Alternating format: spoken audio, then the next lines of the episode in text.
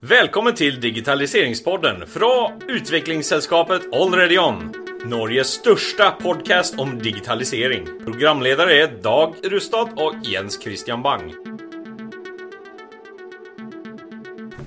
Velkommen. Jeg er Dag Rustad, og med meg har jeg Jens Christian Bang. I, di Velkommen. I Digitaliseringspodden. I dag skal vi gjøre vår eh, første uh, podkast på engelsk. And uh, by that I'm switching to English. And I welcome our uh, uh, guest today from UK, uh, Amazon Web Services, uh, Orlando Scott uh, Cowley. Thank you. Welcome. Welcome. Hello. Yeah. Applause.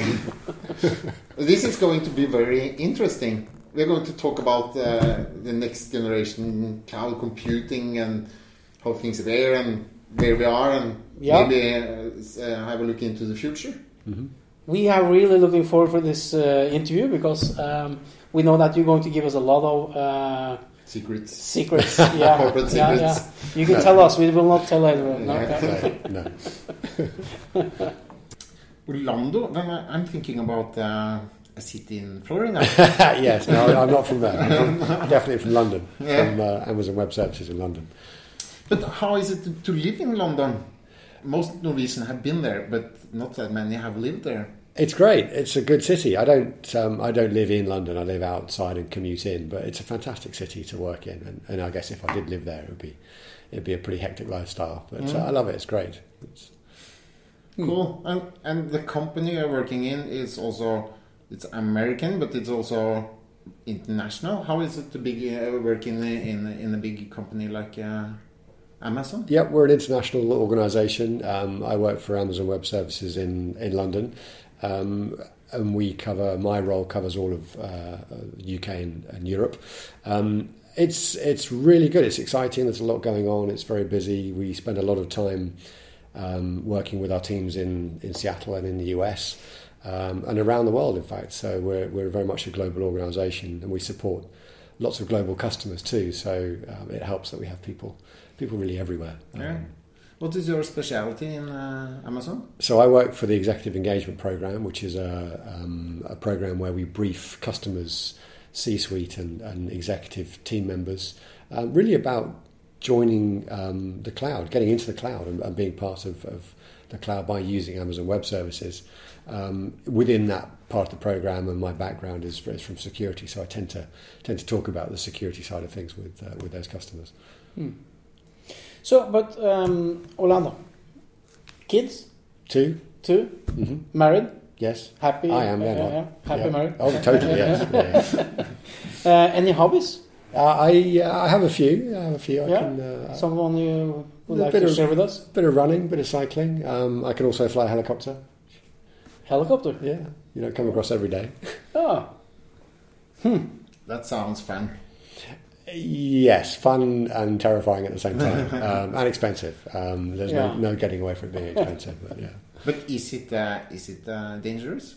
if you get it wrong, it can be very dangerous. Um, but that's why there's a lot of training involved. You spend you spend a lot of time learning how to deal with emergencies and how to, to you know fly properly. Um, I spent five years living in the US, and, and I learnt in the US. And I always always promised myself I would do it, and I did when I got there because it's dramatically cheaper over there than it is certainly in London and in the UK. Um, and yeah, it was a dream come true. It still is. Um, yeah.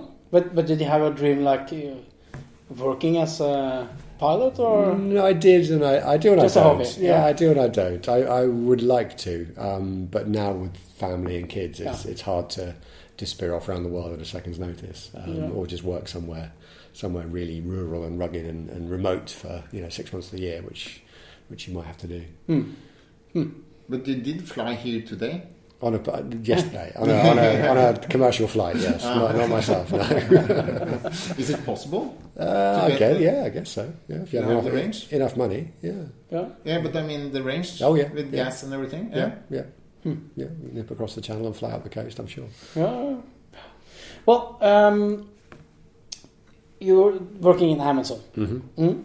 and and um, Amazon AWS um, is what we're going to get into a little bit later. But Sure. um, to be honest, and it- no offense, but but here in Norway, Amazon is known for their uh, online bookstore.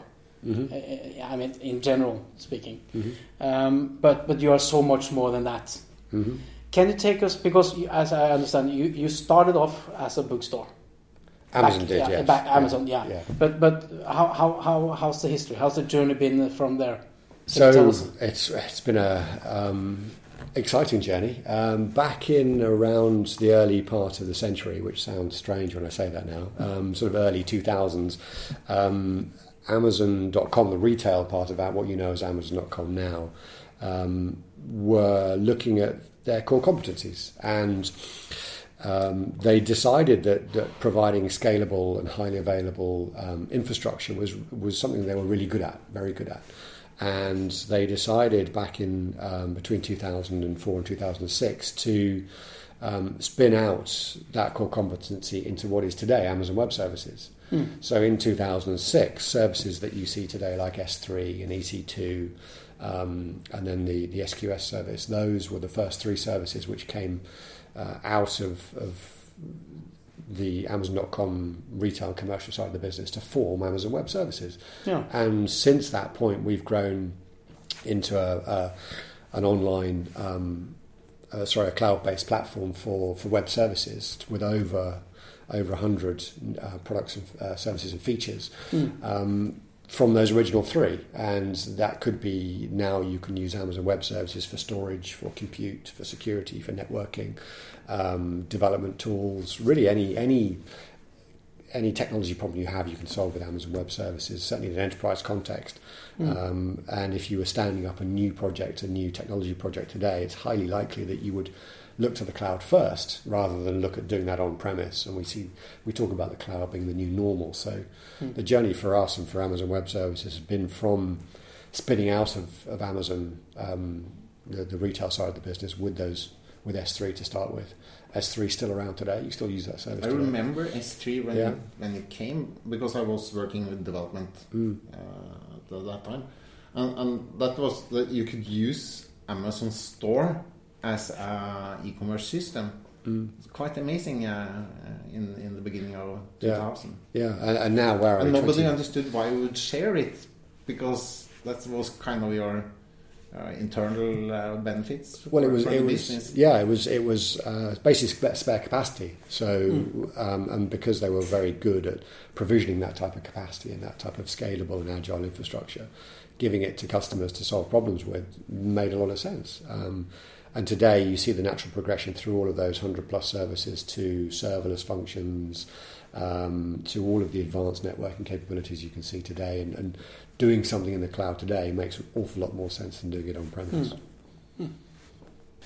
Cool, but um, can you tell us because we, we attended to a conference that you were speaking uh, at today, uh, real good by the way. Um, you talked a little bit about the Amazon philosophy uh, during your speech. Can you can you share that with us? Absolutely. Yeah. So um, we AWS last year released um, about one four, 1,430 new uh, products and services into into the platform, uh, which is about three and a half a day. And when I talk to customers about those numbers, they the one thing they want to know is how do we do that? How do you, as an organisation, release uh, or have that, that cadence of innovation. Um, And they, they generally love it because it gives them new tools and new features to, to use on a daily basis. But they want to know how to change their organizations into that same kind of agile, um, uh, sort of continuous delivery uh, mode, if you like. So the presentation that I did today was was about the what we call the culture of innovation. How does Amazon and AWS's culture look to be able to do that? And we talk about uh, mechanisms um, like putting the customer first and working backwards from the customer. We talk about the architecture and the infrastructure that's required to help people innovate and um, be able to spin up ideas and the infrastructure to support ideas really quickly, but equally spin them down if they want to. Um, and also the um, the culture of the organisation itself and how the organisation is put together. So, what do our teams look like? How do we put new teams together? How do we hire and develop the best people into into those teams? Um, and how do we empower them to go solve problems for the customers? Yeah, yeah. You talked uh, you talked a little bit about uh, being a leader Mm. That everybody in Amazon is their own leader, kind of. Yes. Yeah. Yes. So we're supported by the Amazon leadership principles, and those are a set of principles that are there to um, there to make sure everybody is empowered to uh, to solve the problem for the customer, put the customer first, um, have a, a, bias for action, which is one of the leadership principles, to go and help that customer make something better for them. Um, dive deep into a problem, dive deep is another leadership principle. Um, but equally, things like frugality. So you won't see AWS spending vast amounts of money on, um, on, on frivolous things when we could spend that money on customer development instead. So we're always frugal with the way we, we develop and do things um, because the customer would lose out if we weren't. Um, and equally, customer obsession is at the top, and then at the other end of the scale, deliver results means that we're always, uh, as an organisation, as individuals, we're always empowered to make sure that we can push through and we can solve the problem, we can get things done, um, mm. and that very much forms the culture. So we, um, those leadership principles are used from the moment you start interacting with Amazon as an employer in the hiring process, all the way through to our day-to-day work. So in conversations we can talk about think big, which is a, another leadership principle. I would say you'll, you'll think big is not big enough, perhaps, mm. um, to encourage people to go away and think about something a bit better. So we live and breathe those leadership principles rather but than. Does, does this mean that uh, everyone that works in in Amazon are um, uh, can make up their own work or or make up new products themselves or? they don't they don't you don't sort of have the autonomy or you don't make your own work but if you see a problem that needs to be solved you mm. think hey I've got a really great idea I could um, there's a customer really struggling with something or the market looks like um, there's a particular product or service that, I, that I've had an idea for, mm. um, then you can write up some documents. You can write. There's a process to follow to to then mm. flesh that out, um, peer review it, um, and then if it's successful through the peer review, then go on to to build that into a, team or a department.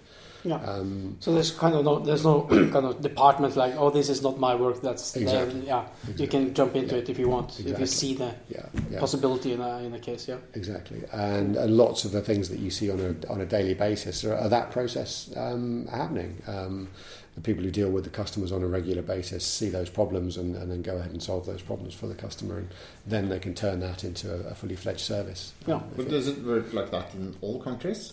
Because yes. some countries uh, you're more used to get a message about what you're going to do, and other countries you are more into uh, being so, allowed yeah, to. Yeah, yeah, I don't mean in your company, but in in general. Uh, it's no difference. It's in in uh, Amazon. No, it's no. it's the same across all of all of AWS and all of Amazon. We all have the same.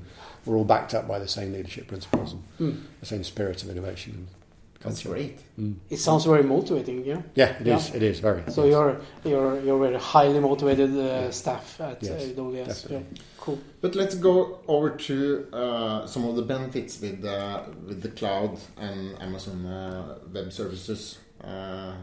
Uh, uh, we have told you earlier that we are having two software as a service application running on Amazon in mm -hmm. Frankfurt. Mm -hmm. but could you tell a little about what what's the benefits of having it on a cloud like Amazon uh, and not on a virtual server?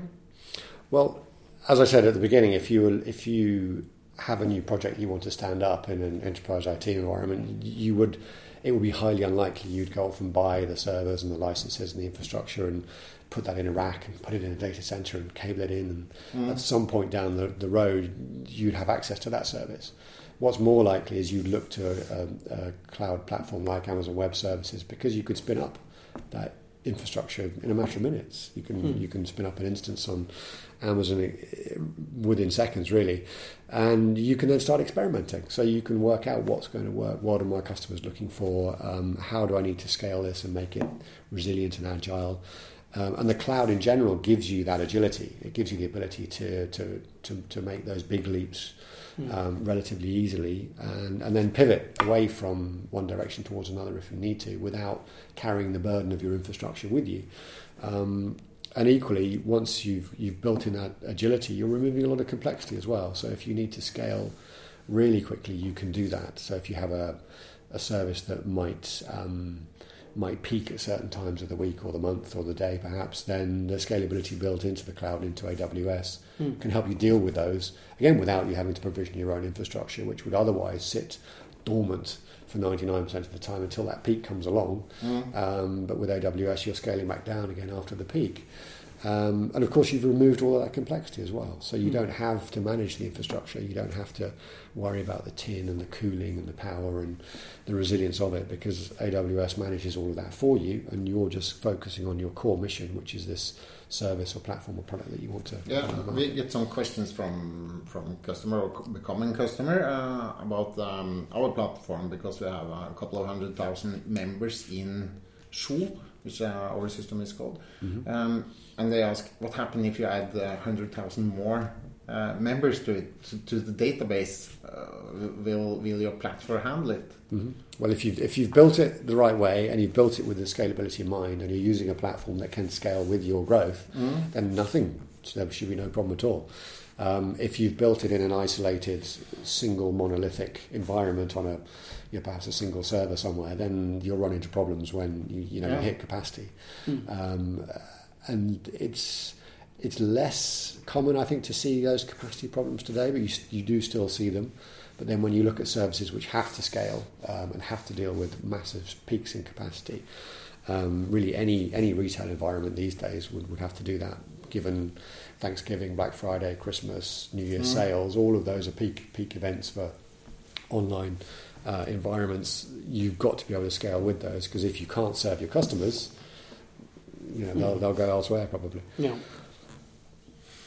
Uh, you also talked uh, a little about security, but how how will the security on the platform help uh, customers that are using your services? Mm. So the security is probably one of the biggest pieces of due diligence we do, Mm. um, but mostly because when the cloud was new, people didn't trust the cloud. But today, we know now that the cloud is is more secure than you'd be able to achieve on premise on your own. Mm. Um, and certainly from AWS's perspective, we, we go a long way to help customers understand how secure the environments are. Um, that's backed up by a large number of third-party accreditations and certifications like ISO 2000, uh, 27001, 27018, SOC 1, 2 and 3, all of the um, accreditations and certifications and, and audit standards that you'd expect to have from a service provider. Mm. So if there's any doubt, you can then work your way through all of those audit reports to see um, where the issues are, if there are any, and if they've been addressed. Um, but doing that yourself in your own environment would just be cost prohibitive. You just wouldn't be able to do that. No. So what we do is we pass on those accreditations and certifications to the customer and say, you use AWS because we've done that for you, um, and then you don't have to worry about going through those those yourself um, in your own environment, in your own data center, which would be, as I said, costly and, and uh, in, in both money and Mm, time. mm. What what about the physical uh, hardware? Uh, are you allowed to go into the server room? No. No. Have you have you been there? Don't even know where they are. No. No, no don't know. Uh, no, and it, that, that Is they- it a secret where they're located? It's not a secret, but we don't publicise it and we don't tell people. We don't do we don't do tours and visits. Um, if you imagine we have millions of customers, even at a rate of one percent of, of those millions uh, a day or a year would be would be far too many tours to be able to, to deal with. And equally, one customer's security is not more important than another's. So. Um, we can't jeopardise the security of customers in those environments by bringing some a third party in that we know relatively little about. So, um, no, the environments are, are, are um, are very secure and kept that way for, for obvious reasons. Mm. Armed guards. Dogs, lots of dogs. When you're doing development on a platform uh, like uh, Amazon Web Services, uh, how do you do it in another way than when you're making a, a ordinary uh, web application? Not necessarily. No, it's you. You develop mostly the same way with the same sorts of tools. Um, you can develop differently if you wanted to. So instead of writing, let's say, a web app which um, was monolithic, you could use sort of lambda functions, serverless computing functions to to, to break that down into microservices to make it more reliable and, and faster and more resilient.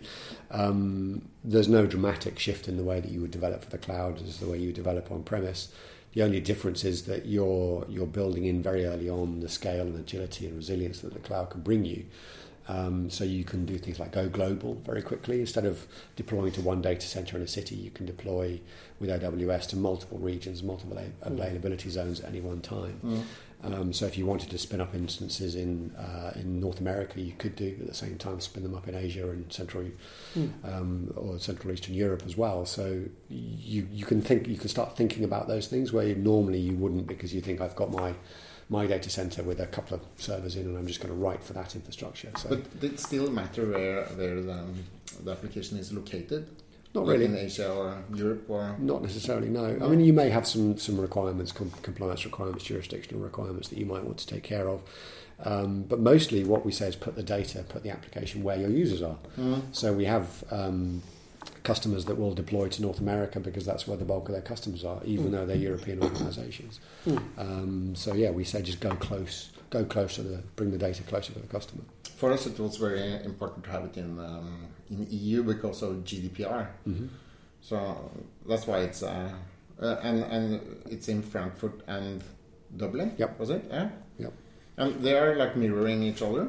If you, if you, yes, if you set the systems up that way, if you're using the um, the capabilities are either built into your own coding or built into AWS, then yes, you, you're building that resilience with, with those two two regions. But you use a word uh, which is interesting: microservices. Mm-hmm. Can you explain that? Uh, So classically, in, in perhaps let's say the olden days, um, when you would have built a web application, you would, would have built a, a monolithic application, and everything ran within that one application, um, which would make it it, it would be un, it's unscalable. You wouldn't be able to grow as your demand grew, uh, and if if the monolith failed, then the application was offline. Um, what we see today are microservices now making up those applications. So each of those individual microservices all talk chit chat to each other as an API or over via an API over um, over a secure connection, and they'll all perform individual functions. So they'll they'll all just do a function in isolation. They'll all be resilient. So they'll be you can have several um, of the same service running in different availability zones, for example. And if there's a failure or if your code um, uh, if if you if you do see spikes in traffic, for example, they they can deal easier with those spikes in traffic or with failures or with problems with the code much easier than the monolith can because the monolith is entirely taken offline if if one thing goes wrong. cool. Yeah. Um, I mean, um, since we have Orlando here, I, I, I, I, I- I really want to know. Because, I mean, most companies have either moved or are moving into the cloud. Because that's the new thing, yeah, or the, the, the modern thing now. Um, but um, I would like to know what's next. What's next? Do you know? Can you tell me? Do I, do I know? Can I tell you? Um, for for AWS reInvent in, in coming up in November is is the big the big event for us. Um, so as as customers, we are. You know, make sure you listen to those keynotes. If you're there, fantastic. If you're not, you can watch them online. Um, in general, in in the market, in the cloud, I think um, I think to echo a lot of the thoughts of Werner Vogels, the Amazon CTO, I think voice is Voice, the, yeah. the, the way Yeah. we control our environment with speech. I think is going to be the next, the next, certainly the next. Yeah, and that brings us, for example, to, to Alexa. Yeah, Amazon Alexa or Yeah. Google Home or or Siri or yeah yeah. Um, you use Google Home, Yeah. yeah I talk with it all, all the time. yeah. But uh, you have told us that uh, Alexa is more uh, more used or uh, have a longer experience with uh, with that kind of. Uh, yeah. Uh, the, the Echo, the Echo devices. Obviously, um, Alexa's the technology inside the Echo device, Mm-hmm. um, which is powered by AWS um, with Lex and Polly, and um, certainly the the, the, the voice recognition and natural language processing tools that we use. Um, the I think what we'll see, and, and certainly we see that already with services like Alexa for Business, um, we'll see the way you interact in a business environment with those Echo devices being um, being more and more common. So Alexa for Business, for example, can allow you to walk into a meeting room and say, "Alexa, start my meeting." Yeah. Um, or Alexa, dim the lights. And I'm very aware, probably people are sat in the dark now because I've just dimmed their lights. Sorry about that. Um, but but all of the, if you think about a meeting, you you generally walk into a meeting, you perhaps lower the blinds, dim the lights, put the projector on. There's lots of manual things you do. Maybe you dial into a conference or a voice bridge. Um, and by saying start my meeting to, to Alexa, you're, she'll do all of that for you. Yeah. And um, we see that interaction, I think, with the environment as being quite common very, very soon, but also the interaction with business applications as well. So uh, instead of manually searching for things, you'll use voice. Um, And it's about just making sure we can get a voice in the right place to, to be productive, I think, for, for organisations. So the keyboard will probably then just we don't we will not use them anymore. At some point, At I some imagine, point, yeah, I yeah, imagine, yeah. It's- It seems quite slow these days to use a QWERTY keyboard to, to But do will, things. but will Alexa work, for example, on, on my mobile phone eventually? Yeah. Yeah. Well, the, the application does now. Does it? Yeah. Oh, so it support mobile phones, so I can Yeah, go around in the city and talk with Alexa. If you're in the if you're in the uh, the Alexa app on your phone, you can use you can use that now. Yeah. But when you go from from voice to to uh, data, so to say, uh, then you're using uh, artificial intelligence, Mhm. um, and and that is getting better and better every day. Mhm. How how do you develop and and improve the the product uh, all the time? Do you have a team that is working with it, and Yeah, are they using machine learning or deep learning, or how- Yes. how is that going? Uh, what's happening under the hood? So, so all of those technologies, um, AI, machine learning, deep learning, are all all technologies that Amazon and AWS have been using for a long time. Um, and you've seen these in, in everyday life with on Amazon.com, for example. Um, the way that will suggest products that other people have bought or you might be interested in. That, that's that process happening in, in real life. Um, at AWS, we have uh, a lot of data scientists that work on um, feeding the data back into those models. So the, the machine learning models are used for, uh, again, security is a great example. So for, for, plat- for platforms like Macie and GuardDuty are using um, machine learning models to be able to work out what type of attack you're experiencing right Mm. now in your infrastructure, that kind of thing.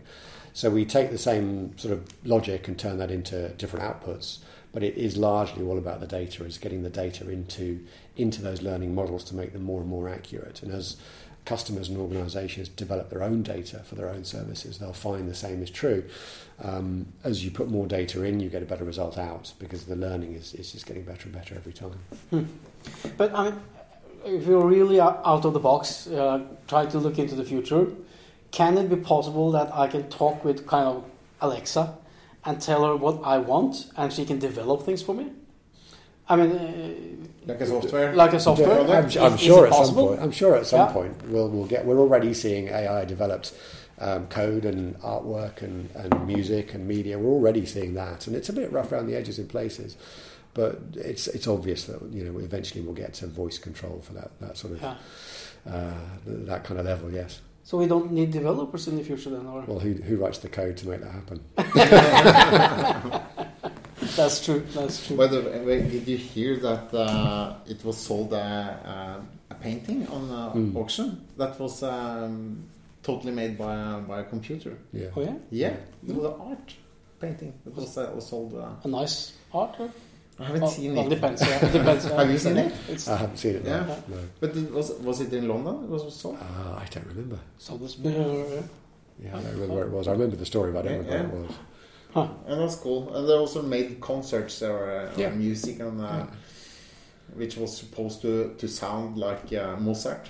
And people that like Mozart then don't uh, find any differences. So Mm. Mm. quite fantastic. Yeah, we're just. I think we're just on the edge of of those types of um, outputs being more normal and being more real. Mm. Um, and uh, I think we're very early on in terms of the amount of data we can put into those li- those learning models. But as more data is produced, as I said, they'll become they'll Yeah. become more accurate for the us. process is just speeding Yeah, up as we exactly. go. It's like a Yeah. big flywheel; it just keeps on going Yeah, round yeah. and round. Yeah.